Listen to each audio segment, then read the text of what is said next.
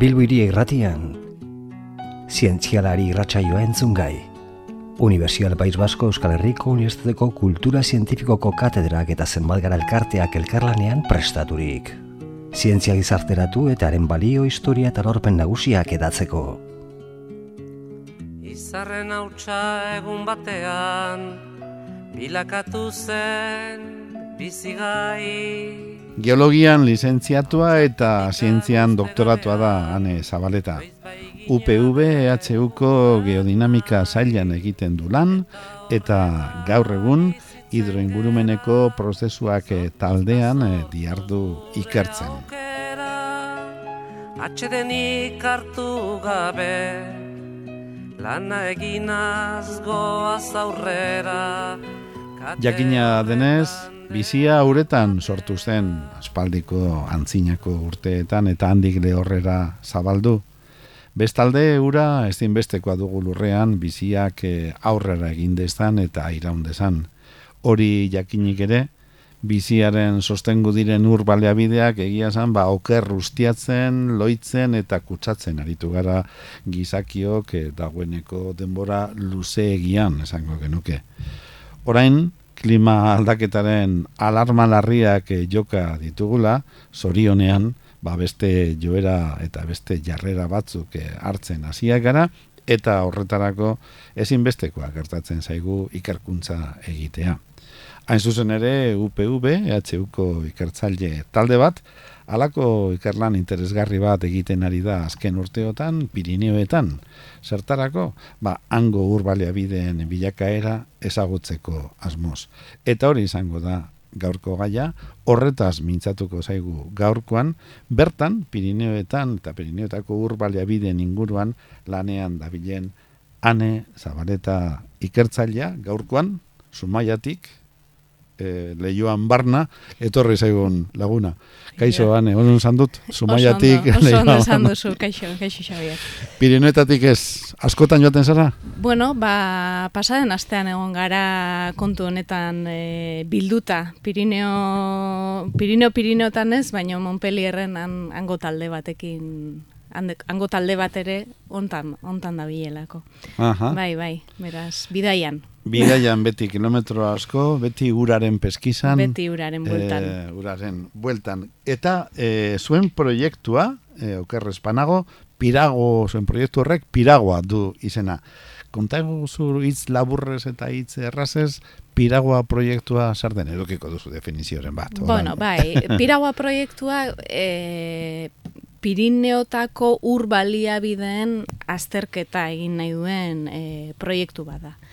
Proiektu hau e, eskualde garapeneko Europar funtsak e, diruz lagundutako proiektu bat da, e, honek daukan Poktefa programaren bidez edo. Eta hauek normalean e, horrelako proiektuak bilatzen dutena da bere izenak esaten duen bezala ez, eskualdei aplikatua izango den ikerketa bat egitea. Kasu honetan, e, ur baliabideekin lotutako ikerketa bat da, eta pirauak bilatzen duena mm, nolabait bi, al, bi alderdietan edo laburtuko nuke, ez? Alde batetik, eskala hundian, Pirineo osoak hartuta, bere osotasunean, ikustea zer gertatu izan den ur baliabideekin, ba, iraganetik eta orain arte, nola mhm. joan diren aldatzen, bai urteko eskalan, bai eta urte sasoi desberdinetan zer gertatu den baliabide horiekin, eta aurrera begira ere, beti modeloak eta erabiliz, beraz, bueno, bos, e, simulatutako datuak, ez errealak, baina saiatu ikusten zer gertatu daitekeen. Mm Pireone, hori Pirineo osoa kontutan hartuta. Eta beste alde batetik, ja, eskala txikiagoan, ba, kasu desberdinak aztertzen e, saiatzen gara, ez? Badago talde, Andorrako talde bat, ba, e, eski estazioekin eta lanean da bilena, e, aragoien badago beste talde bat, e, zera, irrigazioa, eta, bueno, kontu honekin da bilena, zer gertatuko da, Eta, bueno, ba, gu lanean gabiltza bidasoa ibaian, eta bidasoa ibaian e, ikusi nahi duguna da zein den lurraldearen erabilera eta ur baliabideen artean dagoen erlazioa. Bai, orduan, erabilera desberdinek badi- badakigu e, badagoelako bibliografia asko badaukatela eragina ur baliabideetan, baina eragin hori desberdina da ba, munduko sonalde desberdinetan. Eta nahi duguna da urbileko ikerketa bat eduki jakiteko, zein den eragin hori gure Pirineotako alde honetan. Ezta? Eta hori nolabait, ba, gero aurrera begira baliagarria izan dadin.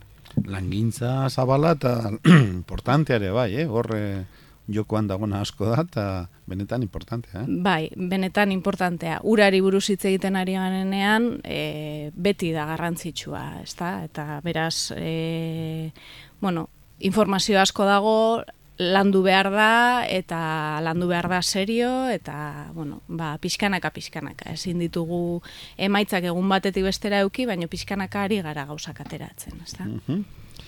Urre mariak, eh, erreketako, ibaietako urre mariak, ur baleabideak neurtzen dituzue, baina nire ez jakintasunetik datorren galdera. Hane, nola neurtzen duzue? Bueno, Eh, ur... eh, nola bai. kontabilizatzen duzue, nola baita esan? Urremariak guk mo- momentu honetan erabiltzen ditugunak dira ofizialak, hau da, administrazioak berak neurtzen dituenak, ezta? Eta, bueno, e, ibai arro desberdinetan, e, ibaiaren puntu batzuetan badaude afora leku edo deitzen zaien Afora leku, deitzen e, diozue. toki batzuk. Mhm, E, etxola moduko batzuk, mhm. daudenak eh, hainbat aparaturekin jantzita eta prestatuta uraren emaria leku konkretu horretan e, neurtzeko. Mhm. Bai, ba, egiten da olako obra txiki bat, ura ba, modu zuzenean pasatu dadin, eta bueno, ba, izan desan horrelako sekzio definitu bat, eta bar, Mhm. eta benetan... Estandar bat. Bai, estandar moduko bat. Eta benetan neurtzen dena izaten da uraren altuera.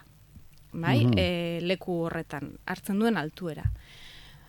Eta behin e, altuera neurtuta eta bueno, e, egiten dira olako erlazioak momentu desberdinetan altuera eta emariaren artean. Hau da, noizean behin joaten da norbait neurtzera e, eskuko aparatu batekin zein den puntu horretako emaria.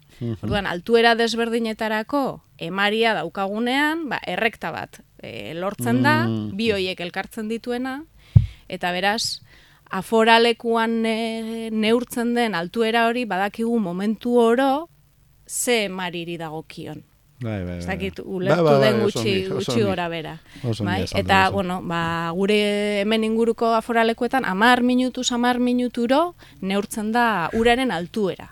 Eta beraz, badakigu amar minutuz, amar minuturo zein den e, ibaiak dakarren emaria. Beraz, zuen datutegia, ba, Izu. zenbakiz betea dago. Bai, izugarria da, izugarria da. Bai, baina oso informazioa aberatsa da.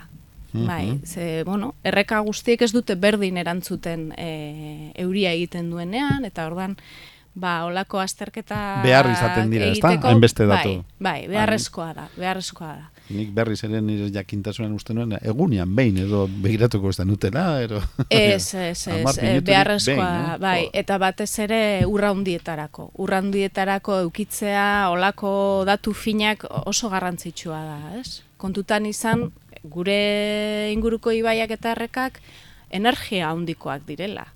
Eta euri- Horrek, e, barkatu, Bai. teteagatik, e, zer esan nahi duzu, bane? behar bada, e, maldan Mal- beherako ibaiak direlako Claro. gureak eta, eta laburrak, ez da, ez Labu- dira... laburrak, malda handikoak, oso distantzia gutxi dago ibaia sortzen den sorburutik e, itsasoraino eta beraz oso azkar erantzuten dute, ezta? Aha, aha.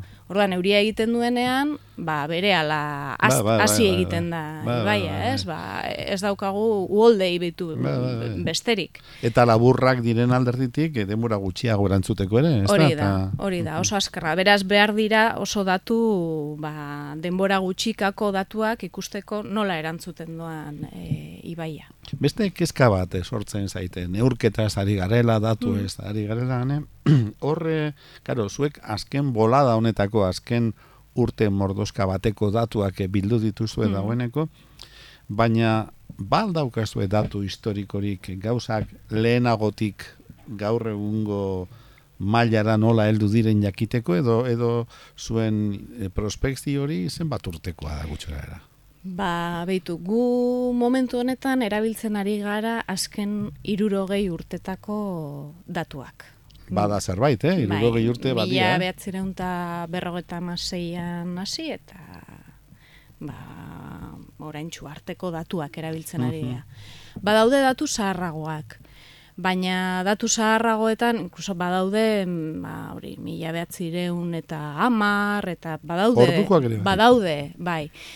Baina nik uste dut, e, Pirineo eskalan, azterketa egin genuenean, ba ez dakit, iru afora leku edo bakarrik ziren seria osorik mantentzen zutenak, ba, hasiera hortatik orain arte, ez da, eta, bueno, tartean, ba, hainbat kontu izan dira, eta, ba, geratu egin dira, ez dira datuak hartu. Orduan, e, ba, bueno, izatearen nahiko aforaleku azterketa egin alizateko, ba, em, ba hori, mila behatzireun eta berrogeta maseian edo hortik azten gara, iruro gehi urte badira urteak, eguneroko datuekin, beraz, bueno, datu pilo bat e, daude hor. Eta... Iruro gehi urte eguneroko datuak. Bai. Horrengo denboran, amar minuturik behin datu bat. Boa, horre, bai, bai, irakurketa bai, bai. ikaragarri onak egin daitezke. Bai, bai. Bai. Guk e, urbalia bideen azterketa egiteko eguneko datuak erabiltzen ditugu, eh? Zer, bestela soramen utza da. Baino, hainbeste urte, irurogei urte bestela, baino, bai, bai, Mhm. Hori da.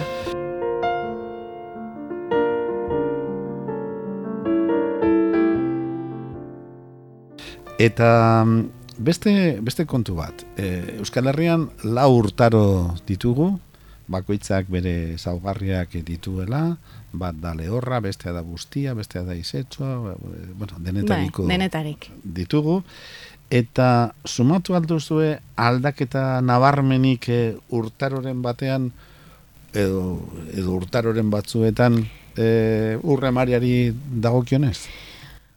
Ba, bai... Edo lengo e, lepotik gurua, berdin... Bueno, ez, ez, ikusten dira gauzak. E, azkeneko irurogei urteetara bagoaz, ikusten dena da, berakada orokor bat gertatu dela, e, bai urte osoa kontutan hartutzen badugu, bai urte sasoietara bagoaz, emarietan Pirineo eskalan berakada orokorra gertatu Historikoki beraz, berakada. Berakada, bai, azkeneko irurogei urte horiek kontutan hartuta, e, esan dezakegu euneko amabi, euneko amalauko berakada bat egon dela. Uh emarietan. Bai uh -huh. batazbesteko emarietan, bai beko emarietan, egonda berakada.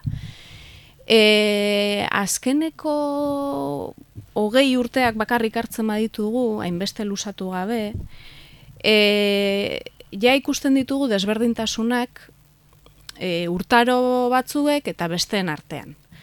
Esate baterako, e, ba, neguan ikusten duguna da, e, mariak haunditu egin direla, mhm. baina udazkenean aldiz, ba, gero eta udaz, udaren azkenago edo bihurtzen ari dela, ezta? Gero eta mm. emari bajuagoak ditugula edo behintzat uda parte hori lusatuz doala. Ai, beraz, e, ur beretako tarte, denbora tarte hori, udatik datorrena, gero eta luzeagoa dela. Hori bai ikusten ari garela azkeneko... Uda lusatzen ari da. Bai. Eta hortaz, urre maria urritzen e, lehorragoa den alderditik. Udaz, udazkenean. Udazkena ematen du dela urbalia bideen aldetik e, urtarurik kritikoena. Mm Zeia, bagatoz ur bajuetako e, momentu bai, batetik, bai. eta oraindik ere bajua gotzen ari direla. E, da, ikusten duguna. Beraz, hor, e, sortu daitezke olako erabiltzaile desberdinen arteko, ba, zeak, ez da? Talkak, bai. ez da? Eta, karo, e, hogei urteko EPA laburregia da jakiteko zeri sortzaion hori, ez da, nondi datorren bai. aldaketa. A ber, klima aldaketari buruz hitz egiten dugunean, bete zaten da, ba, eun urte hartu behar dira. Bueno, un urte e, e, baldin badauzkazu egun urte. Bai. Egia da hogei urte ba, bueno, egon daitekela klimaren aldakortasun naturalak eta sortzen dituen e, zera, aldakortasun horietan. Boladak, Hori da, orduan, bueno, baino egia da ere egon daitezkela beste eragile batzuk. Ez? E, klimak eragin dezake eta bere aldakortasunak, baina badaude hor ere beste batzuk eta dira lurraldearen erabilera. Ez, hasieran e, komentatu dugu ari garela lurraldearen erabileraren inguruko azterketak egiten eta Pasatuko gara, eh, galdera horretara, ne dauzu, Bai. zuzenean, ze bidasoako, bidasoa ibaiko arroa aztertzen nahi zarete, maila, tokiko maila hortan, hain zuzen ere, hori ikusi nahian, ezta? bai, E, lurralde antolaketak zenbateraino eragiten dion eh, emariari. Bai, garbi daukagu eragina badagoela. Eta e, nik uste dut e, guztio konturatuko garela, ba, e, larre bat izan edo baso bat izan, uraren konsumoa oso desberdina dela. Mhm. Zuaitzak ur gehiago behar du azteko belarrak baino. Hortik hasita. Bai, bai. Ez, askotan klima aldaketaren kontrako edo arintzeko ze, nahi horretan, ba, planteatzen da ba, zuaitzak eta basoak eta basoak, ba, CO2 txikitzen dutelako. Claro, uraren ikuspegitik hau e, pixkat kontrara dator. Mhm. Ze basoek ur asko konsumitzen dute batez ere gazteak direnean. Claro, azten ari diren e, prozesu horretan Elikagaia behar dute, ezta? elikagaia behar dute, eta beraz, ur asko konsumitzen dute. Orduan, e, oso garbi dago hor- diferentziak daudela. Gu egiten ari garena da, diferentzia horiek neurtu. Mhm. Ikusi, e, zenbateko edo nola eragiten dion laen, erabilera mota bakoitzak lurzoruan daukagun ezetasunari. Bai, eta gero hortik aterako ditugu hainbat ondorio, ba, arroaren e, ikuspegira, ez? Ba, nola edo datu hauek nola erabili arroaren e, planifikazio bat egiteko lurraldearen erabilerari dagokionez. Ze egia da, zuaitzak ur gehiago konsumitzen du. Horrek esan nahi du basorik, baso guztiak kendu behar ditugula? Ez, Ez, noski. basoak ere behar ditu. eta- Hori da, Bai. ez? Beste baliabide batzuk ematen dizkigute. Baina agian, kontutan izan behar dugu, no- non ditugun gure ur hartuneak, nondik hartzen dugu guk ura, edateko ura, adibidez. Ez?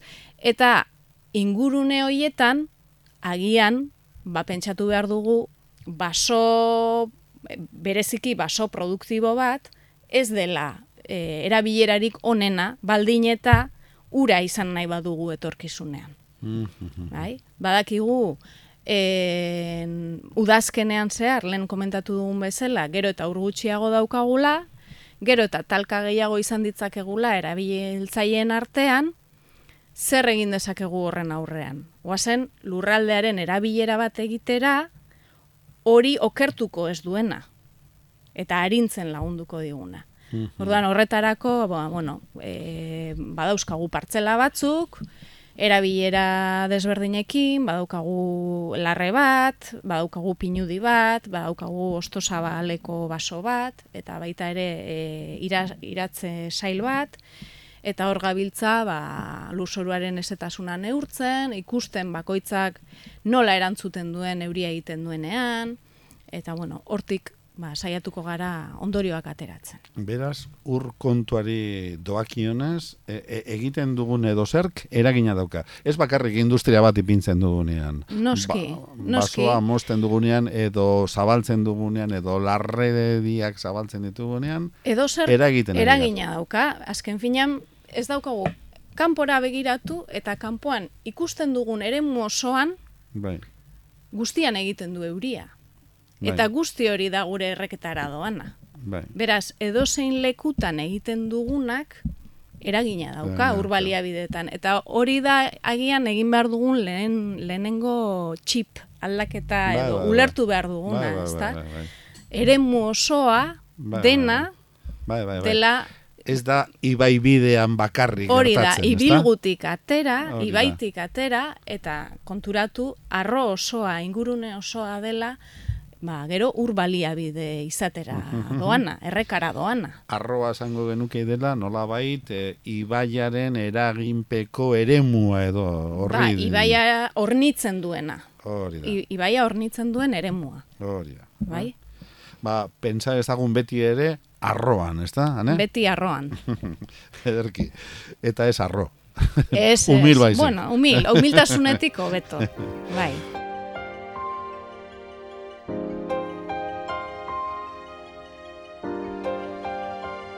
Bueno, e, Pirineoetan ari zarete lanean, Pirineoak e, ipar Euskal Herrikoak, e, ego Euskal Herrikoak, e, bietan ari zarete, hemengoetan soilik, nola da. Bueno, Europatik datorren laguntza Bai. izanik, pensatzen dut bietan ibiliko Bai, zaretela, bai, bai. Gu, e, oza, e, proiektuak hartzen du Pirineo eremu osoa. Ba, oso osorik. E, Andorra barne. Eta hor ari gara guztian. Ez? Eta, bueno, egia esateko hor e, ikusten duguna guk, e, hola ikuspegi orokor bat eta datuen lehenengo trataerak eta eginda, e, antzekoa da ikusten ditugun joerak Bai, ez dago esaterik iparraldean joera bat eta hegoaldean beste bat dagoenik. E, momentu honetara arte egin den azterketa, bueno, nahiko orokorra izan da, baino e, antzeko joerak ikusten dira. Bai serie luzeak hartuta eta bai e, azkeneko serie hogei urteko hoiek esaten genuela ba, pixka bat desberdinak zirela. Eh? Nahiko datuak antzekoak dira. batean, zein, Batean, zein bestean. bestean. Bai, bai. Kuriosoa.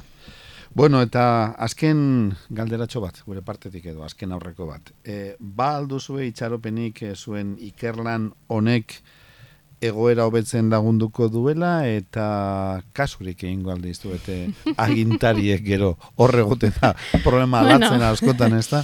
Bigarren galdera horri erantzuna da, ba, ez dakit, hori ba, eurek, eurek erabakiko dute, ez da, guk jarraituko dugu lanean. Eta lehenengo erantzuna, bueno, nik, e, bueno, taldean ilusio handiz ari gara e, bide hau irekitzen, egia esateko e, badaramagu urte gutxi batzuk, baino, bueno, oraindik gaude bidea zabaltzen, ez da? Hau da, lurzorua, ura, nola eragiten duten erabilerak, hori, hori, ez? Esan genezake, ane, barkatu, e, nahiko berria dela, ez da? Iker, iker lerro hau edo nahiko berria dela. Hemen bai, eta- hemen nahiko berria da. E, egia da munduko beste leku batzuetan egin dela, baina emaitzak desberdinak direla leku batzuetan eta bestetan. Eta beraz behar dugu ba, jakin hemen eta gure hemen dagoen landaretzarekin zer den gertatzen dana. Eta ilusio handiarekin gaude eta espero dugu benetan e, erabilgarria izango dela, horretarako ari gara. E, pentsatzen, e, sinisten dugulako e, aurrera begira eta ur, uraren ikuspegitik ura daukagun ura bera kudeatzeaz gain egin behar duguna dela lurraldea kudeatu, baina uraren ikuspegitik. Ura kontutan izan da. Kontutan izan da, ba, lehenengo mailako behar bat dela guztionzat, ezta? Orduan, bueno, bai, e, espero dugu baietz, badakigu administrazioan ba, badagoela jendea honekin keskatuta dagona, eta nolabait pixkanaka ari dela e, ja urte batzu daramagu honekin sirimiri moduko bat e, sortzen, Bai. ez? Eta diskursoa lantzen, errepikatzen leku batean eta bestean, eta nik uste dut ari dela, ez? Ari dela pixkanaka sartzen eta eta jendea bai administrazioan ere badagoela honekin keskatuta eta bueno, kontzientziazio hori egon badago ez osoki, seguru asko, Ez. hane, ja, bat esatozen, nik esango nuke horien dela hogeita mar urte edo batez besteko herritarrari esan ba genio bitu, ba, alako industria bere ondarrak isurtzen ari da alako ibaian. Ez zuen protestan dirik egingo gaur egun delitua da, ezta? Bai, bai, bai, hor aldaketa handia egon da, ez? Hor e, izugarrizko aldaketa egon da. Nik uste dut gaur egun e, oraindik gertatzen da leku batzuetan, ez? Baina erreka bat edo ibai bat kolorez aldatuta edo kolore susmagarri batekin ikusten dugunean denok asaldatu egiten gehala, ez? Eta eta ja hasten da komunikabideetan, batean, bestean hori aldatu da. Eta bueno, e, pixkanaka pixkanaka ere aldatzen joan behar da kontziente izatea, ba, ibaiak baduela bere eremua, e, arroa bere osotasunean dela importantea, eta ez ibaia bakarrik, ibaia importantea da, ba, eta ibaiaren e, inguruko eremu guzti hori, ba, uoldei begira, eta, baina urbalia bideta hitz egiten dugunean, aratago joan behar dugu. Ez? Eta konstiente izan behar dugu, gure ingurune guztia, bere osotasunean, iritik erten da, guzti hori, kudeatu behar dela urbalia bideak e, mantendu nahi baditugu. Bai, zeurek, e, ibaiek eta errekek eta errekastuek eta beti beren askatuko dute. Beti. Eh, hori, gogoraraziko digute, digute bai. okupak garela, ez da? Hori da, hori da, hori da itza. Okupa garela euren lurretan, eta e, berreskuratu nahi dituztela. bai. Hane, amaitzeko, garai batean, e, balearen koipea zen urrearen parekoa, gero petrolioa izan zen, hemendik eh, aurrera ura izango menda, ez da? Ikaragarria da pensatzea uraren privatizazio ere egon daitekela, ez da? Ikaragarria da, bai, bai. Horre, bueno, e, hori bai dela lehenengo mailako beharra eta eskubidea, ez da? Baina hor badago mm, kudeatu beharreko beste kontu bat ere, ez? Eta da, e, ur beharra, eta ur naia, ez? Zeintzuk dira benetako behar izanak, eta nondik aurrera hasten da batek, ba, bueno, nahi izatea. Ez, hor, ba, dago historio bat, e, inakik askotan kontatzen duena, eta da hori, ez, zugaldetzen baduzu zea baten, zenbat ur behar duzu? Nik hainbeste, eta nik hainbeste, eta nik hainbeste. Doainik da, eskatu. Erregeak ordaintzen du hainbeste eta hainbeste. Eta ero esaten baduzu, ah, ez, ez, ez duela ordaintzen. Bakoitzak ordaindu behar du berea. Ah, orduan ez dut behar. ez da? Bai, bai. Beharrak eta nahi izanak edo, bai, bai, diferentzia horiek. Bai. Momentuz, bueno. nahietatik gehiago daukagu, beharretatik bai, baino. Bai, hori ere, hori ere kudeatu behar da. Eta Beste alde batetik... Al, alderantzi zen, ez da? Kudeatu behar dira, ba, egon daitezen baliabideak, baino gero kudeatu behar da ere, ba, oiek, beharrak eta nahiak. Hane Zabaleta, benetan interesgarria, eh, ekarri diguzun informazioa, asko ikasi dugu, zuekin beti ikasten dugu pilo bat, gaurkoan ere bai, segi ez da zuela, alako ikerlan edarrak eh, eiten, alako kontzientzia zabaltzen, eta gero, importantena, hori aplikatuak izan daitezela, ezta? Bai, espero dugu bai, ez aplikatuak izango direla, mi esker zuei. Mi esker zuri etortzagatik, eta nahi duzun arte. Urrengo arte. Universidad País Vasco Euskal Herriko Unibertsitateko Kultura Zientifikoko katedrak eta zenbat gara elkarteak elkarlanean prestaturik.